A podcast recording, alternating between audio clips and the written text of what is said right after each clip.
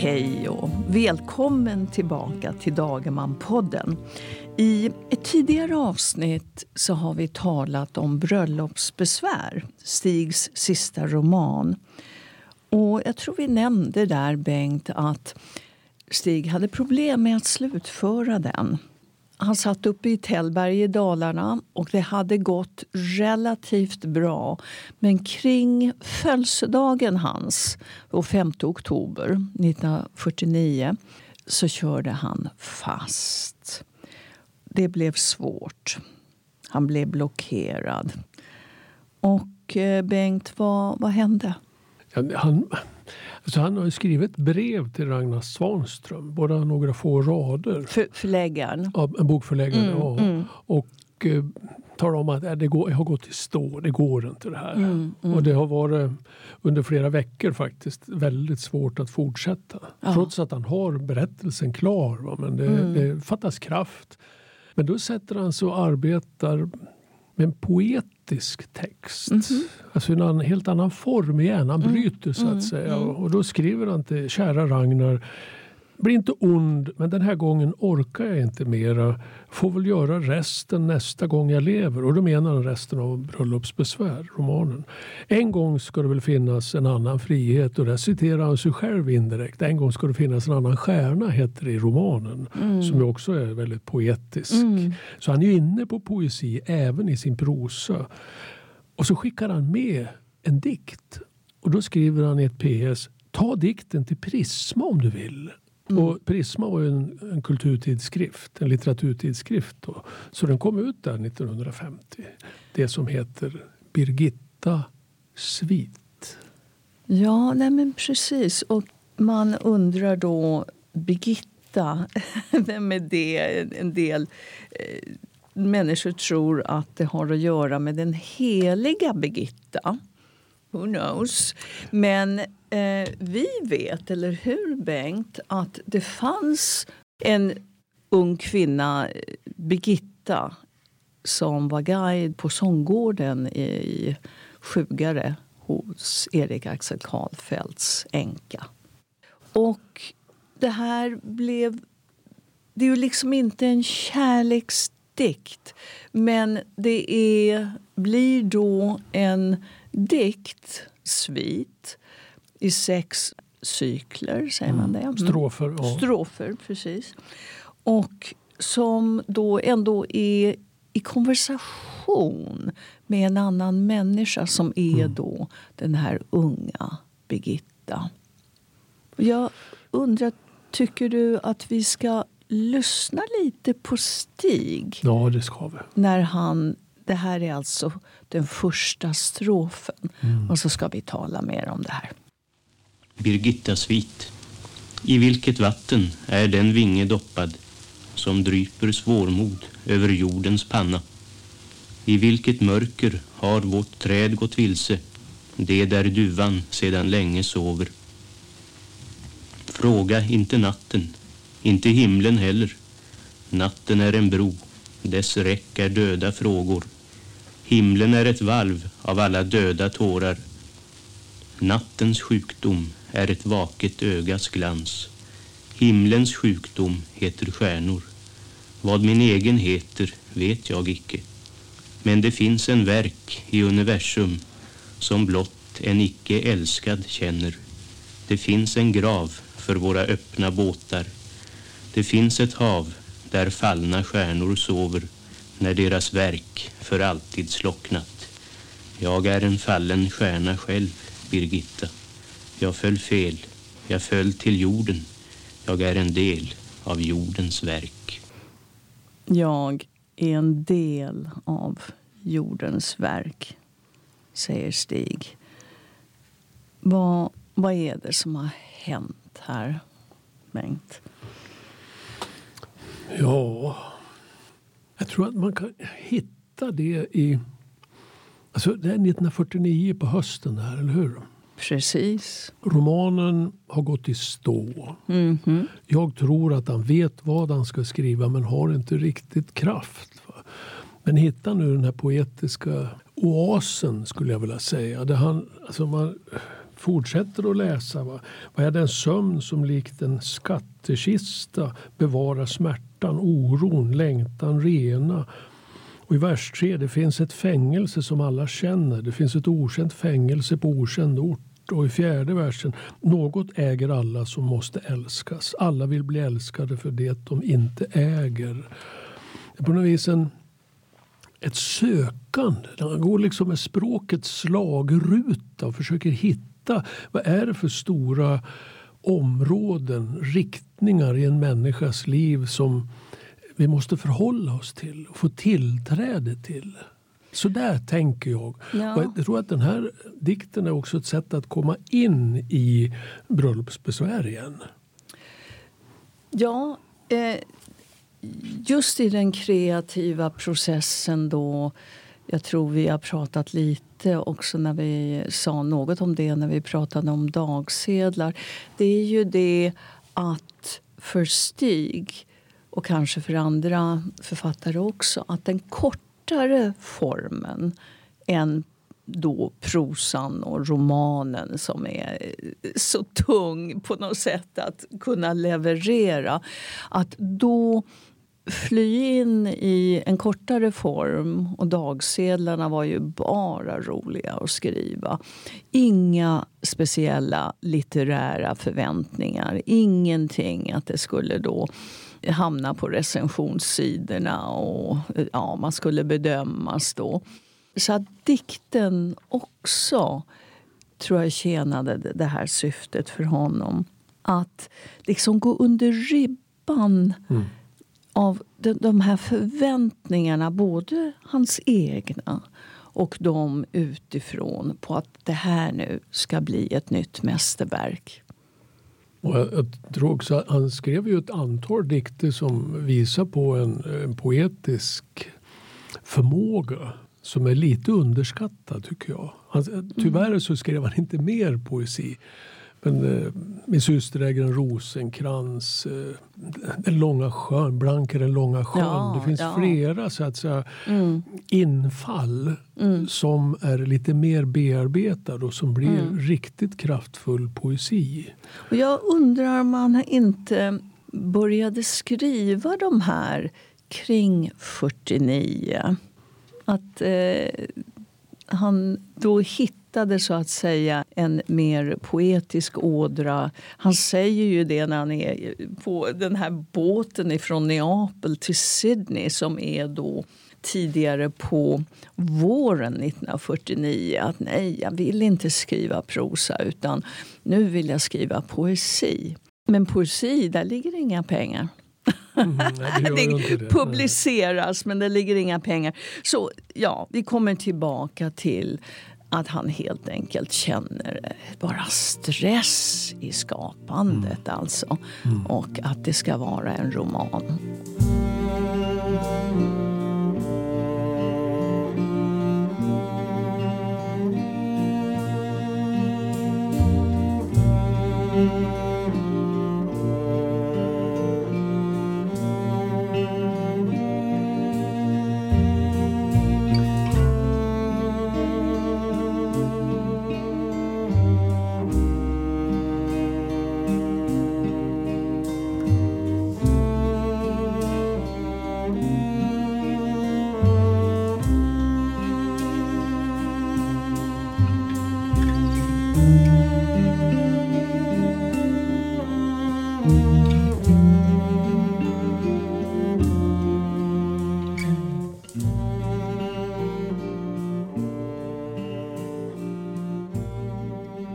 Skrev tre dikter som eh, publicerades i Poesi eh, 1950. Och en heter Till hundarna.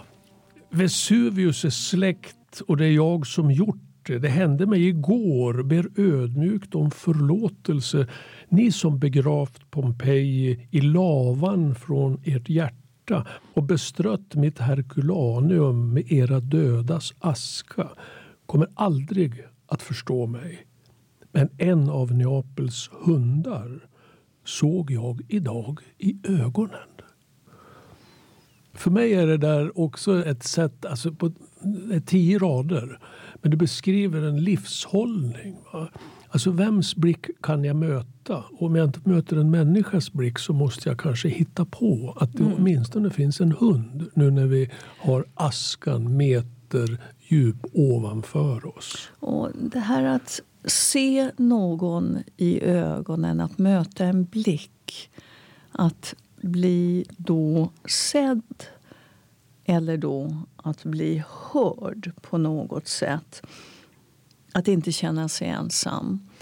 När stressen är som starkast då är den där mänskliga, eller kan vara med ett djur. Men den kontakten så viktig. Och jag undrar om inte det är där som denna Birgitta spelar in. Men också då Ragnar Svanström, förläggaren, att Stig då skriver brev. För det här är långa brev. Mm. Det är som man skulle skriva till en terapeut. Mm. Han har helt förtroende. Mm. Han, han, skriver ju till och med att jag borde inte skriva det här brevet, jag skulle skriva på romanen istället. Ja, ja. Men han måste skriva brevet för mm. att bli av med något kanske, jag mm. vet inte. Men han säger ju då efteråt han har alltså skickat brevet, han har skrivit Birgittas svit och skickat med den till Ragnar. Och bara en dag senare säger han nu har det lossnat. Tada! Mm. Mm. Och så säger han det var då med din hjälp, Ragnar att jag kunde uttrycka mig i det här brevet till dig. Att jag kunde vara ärlig, att jag kunde mm. ja, förklara mig. Och att du lyssnar. Och sen slänger han in Fröding och Gud också som lite hjälp där. Han tar ofta med Gud, men det är ju inte då... Han var ju inte troende. Utan det, det, det är igen Gud, mm. tror jag, som skapar kraften. Mm det här, det inspirationen som kommer någon jävla stans ifrån. Det är någon sorts andlig dimension. Mm. Alltså, och det mm. ordet, Gud säger ju kyrkan, men det kan vi ju säga vi som inte är troende också. Mm. Mm. Att det Gud har benådat. Det säger ja. entusiasm betyder ja. ju full av Gud. Mm. Ja. Och det, det onämnbara kanske vi ja, säger. Nej, men precis. Det där när man plötsligt går på stan och blir inspirerad av någonting. Om det är mm. ljuset eller ett ljud eller någonting. Men här kan han alltså mm. se, Ragnar kan han se i ögonen. Mm. Mm. De ser varandra i ögonen. Ja. Intressant. Och, och Stig var ju givmild. Mm. Det, alltså att hoppa från olika sätt att skriva, att försöka komma åt de stora mänskliga frågorna och mm. skänka text till oss läsare som är begriplig mm. men det är svåra sammanhang. För det, hela den här Birgitta-sviten är ju en man tappar ju andan emellanåt. Mm. Stig, Stig är ju 26 nu och han skriver ju i brevet till Ragnar att inte kan man väl vara utlevad när man är 26? Det är en löjlig tanke. Jag har ju sett folk som har blivit gamla. Mm. Men eh, jag tänkte på det. Det finns då i USA, den kanske är översatt, men det finns något man kallar The 27 Club. Och som det är just att då konstnärer, musiker och det är Jimi Hendrix och det är Jim Morrison och Janis Joplin. Janis Joplin. Men det är någonting med då en konstnär som snabbt har då blivit framgångsrik eh, varit väldigt skapande och kreativ och allting flyter på tills det säger stopp. Och sen är det en fråga om ett nyskapande. Att man som konstnär ska hitta vidare. Men när man är då 26 eller 27 så tror man kanske att det är slut. Mm. Jaha, den där elden nu, den skapande elden har brunnit ut. Och då mm. känner man sig färdig. Det är ju väldigt svårt som en ung konstnär att då ha förtroendet att man kommer igen. Mm. Tänker vi tillbaks nu, så jag menar, Ormen, romanen. De dömdas ö. Han har ju blivit mottagen som en stor författare. Han har gjort succé. Om man jämför med de här musikanterna så, Geniförklarad ja. så tidigt alltså. Ja. Så det, det ligger nog mycket, ligger mycket i det.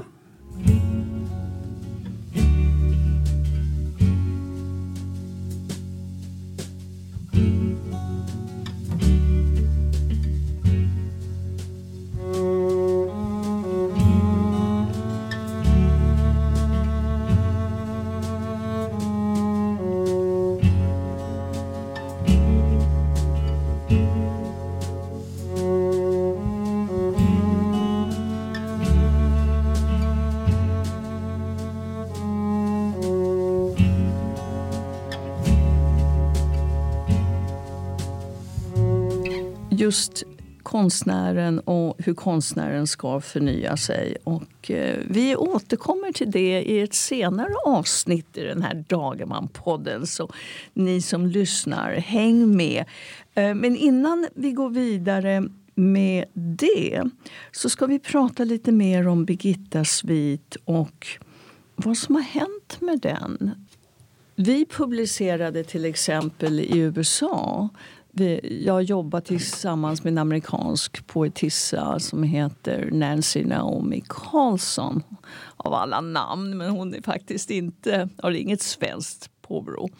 Men eh, hon och jag översatte den och den kom just nu i Asheville Poetry Review. Och det är väldigt kul. För Det är liksom första gången den egentligen finns på engelska. Det har funnits några små avsnitt tidigare. Mm. Men nu finns den alltså i sin helhet i Amerika. Härligt. Och I Frankrike finns den ju. Philippe Bouquet har översatt den och Claude Le Marchec har gjort en ny översättning tillsammans med Philippe som nyligen gick bort. Mm, mm. Och Det kanske vi ska nämna också att Stig är översatt av väldigt många olika översättare på väldans många språk. Mm, mm. Men eh, Claude eh, Le Manchec, han kom till Älvkarleby, till Skutskär. Ja, han kom till Älvkarleby. Det märkliga var då att på ett antikvariat så hittade jag en tidskrift för ett antal år sedan. Prisma nummer ett 1950. Mm. Och jag hade aldrig ens öppnat tidskriften. Och den var helt ny och oläst. Och när vi presenterade Birgitta Svit på franska och svenska då för många människor mitt på dagen 15 januari, mm. Skutskärs folkbibliotek, då tog jag fram den. Och så höll jag upp den och visade att i den här tidskriften, och så läste jag det här som alldeles, jag läste alldeles nyss uh, brevet till Ragnar Svanström. Ja, att, ja. Jag kan väl lämna vidare dikten till ja, Prisma. Och då öppnade den. Det var första gången någon någonsin öppnade den här tidskriften. Oj. Och då var det fantastiskt att vara med om det här ja. i publiken. Det var inte många tusen, det var ingen Springsteen-konsert men det var ett 30-tal. Ja, men... ja, mycket nyfikna mm. och jag blev alldeles svettig på överläppen. Mm. Alltså Ursprungs... i vilket vatten är den vinge doppad? Här doppar vi verkligen en arm. Mm. Mm.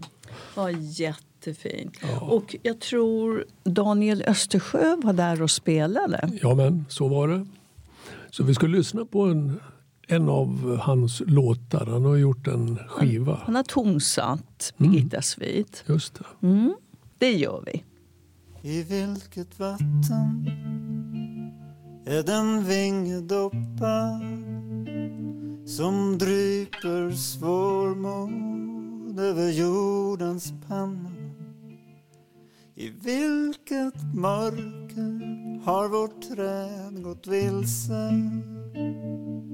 Det där duvan sen länge sov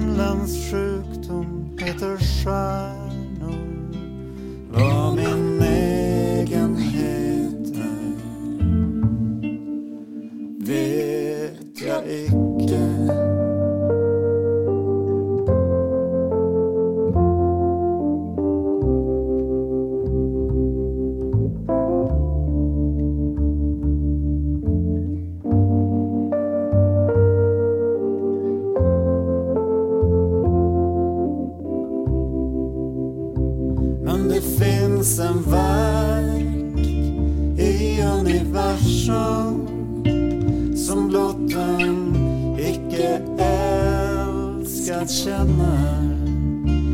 Det finns en grav för våra öppna båtar. Det finns ett hav där fallna stjärnor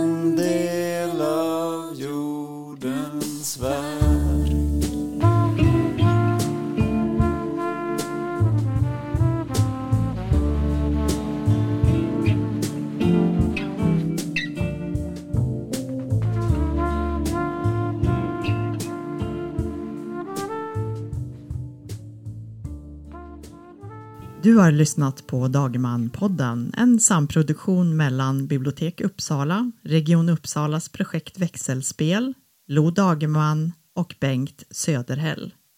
Producent var Per-Göran Back. Musik Bengt Söderhäll, Urban Forsgren, Daniel Östersjö och Per-Göran Back. Tack för att du har lyssnat.